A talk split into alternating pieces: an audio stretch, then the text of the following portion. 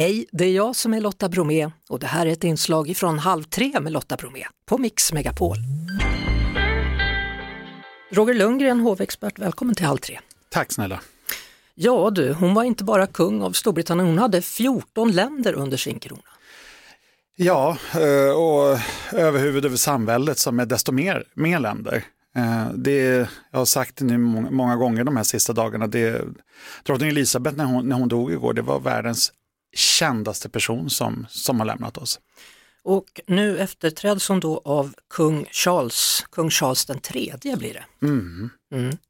Eh, var det väntat här ändå? Jag menar hon är 96 år, samtidigt så stod hon upp för bara några dagar sedan.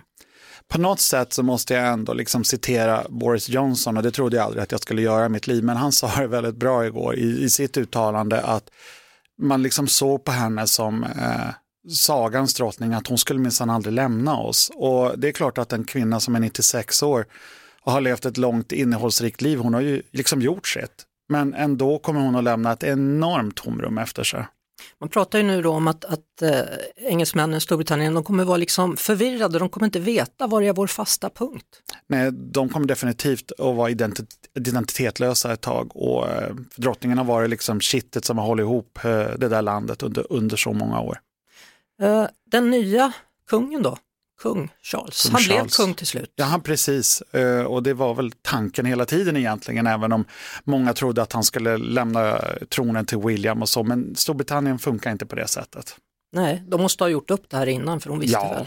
Ja. Självklart. Och det betyder att, att Camilla då blir drottning Camilla? Ja, precis. Och, och, och det är så här att i Storbritannien så bär en kvinna sin makes titel och är man då kung så blir kvinnan drottning. Eh, Camilla var under alla år egentligen prinsessa av Wales, men av respekt mot Dianas minne och den här sorgliga historien som inträffade där så använde hon Charles andra titel, så då var hon hertiginnan av Cornwall istället. Vad kommer hända nu? Kommer hon ligga på Lider parad? Hon, ja, det är nu i, nu får vi se när eh, begravningen blir, för det är inte offentliggjort än, men det kommer vara kanske tio dagar, två veckor fullt med ceremonier i Storbritannien med möjlighet absolut till defilering och det är ceremonier och så i alla samhällsländer också. Ja du, hur eh, kommer du minnas drottning Elisabeth?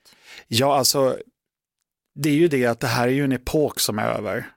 Uh, det, och det, det är det man måste komma ihåg att hennes första premiärminister var Winston Churchill och hennes sista var Liz Truss som hon installerade för två dagar sedan, ett par dagar sedan här. Och, eh, hon har sett allt, hon har träffat alla. Hon var den sista personen kvar från den gamla tiden. Och det är klart att det är lite vemodigt att säga farväl till det. Hon var lite av din idol har jag förstått. Ja, ja, alltså är man intresserad av kungligheter som jag är så var hon ju number one. Då minns vi henne som sådan. Och tack så mycket för att du kom hit Roger Lundgren, hovexpert. Det var det. Vi hörs såklart igen på Mix Megapol varje eftermiddag vid halv tre. Ett poddtips från Podplay. I fallen jag aldrig glömmer djupdyker Hasse Aro i arbetet bakom några av Sveriges mest uppseendeväckande brottsutredningar går vi in med hemlig telefonavlyssning och, och då upplever vi att vi får en total förändring av hans beteende. Vad är det som händer nu? Vem är det som läcker? Och så säger han att jag är kriminell, jag har varit kriminell i hela mitt liv men att mörda ett barn, där går min gräns. Nya säsongen av Fallen jag aldrig glömmer på Podplay.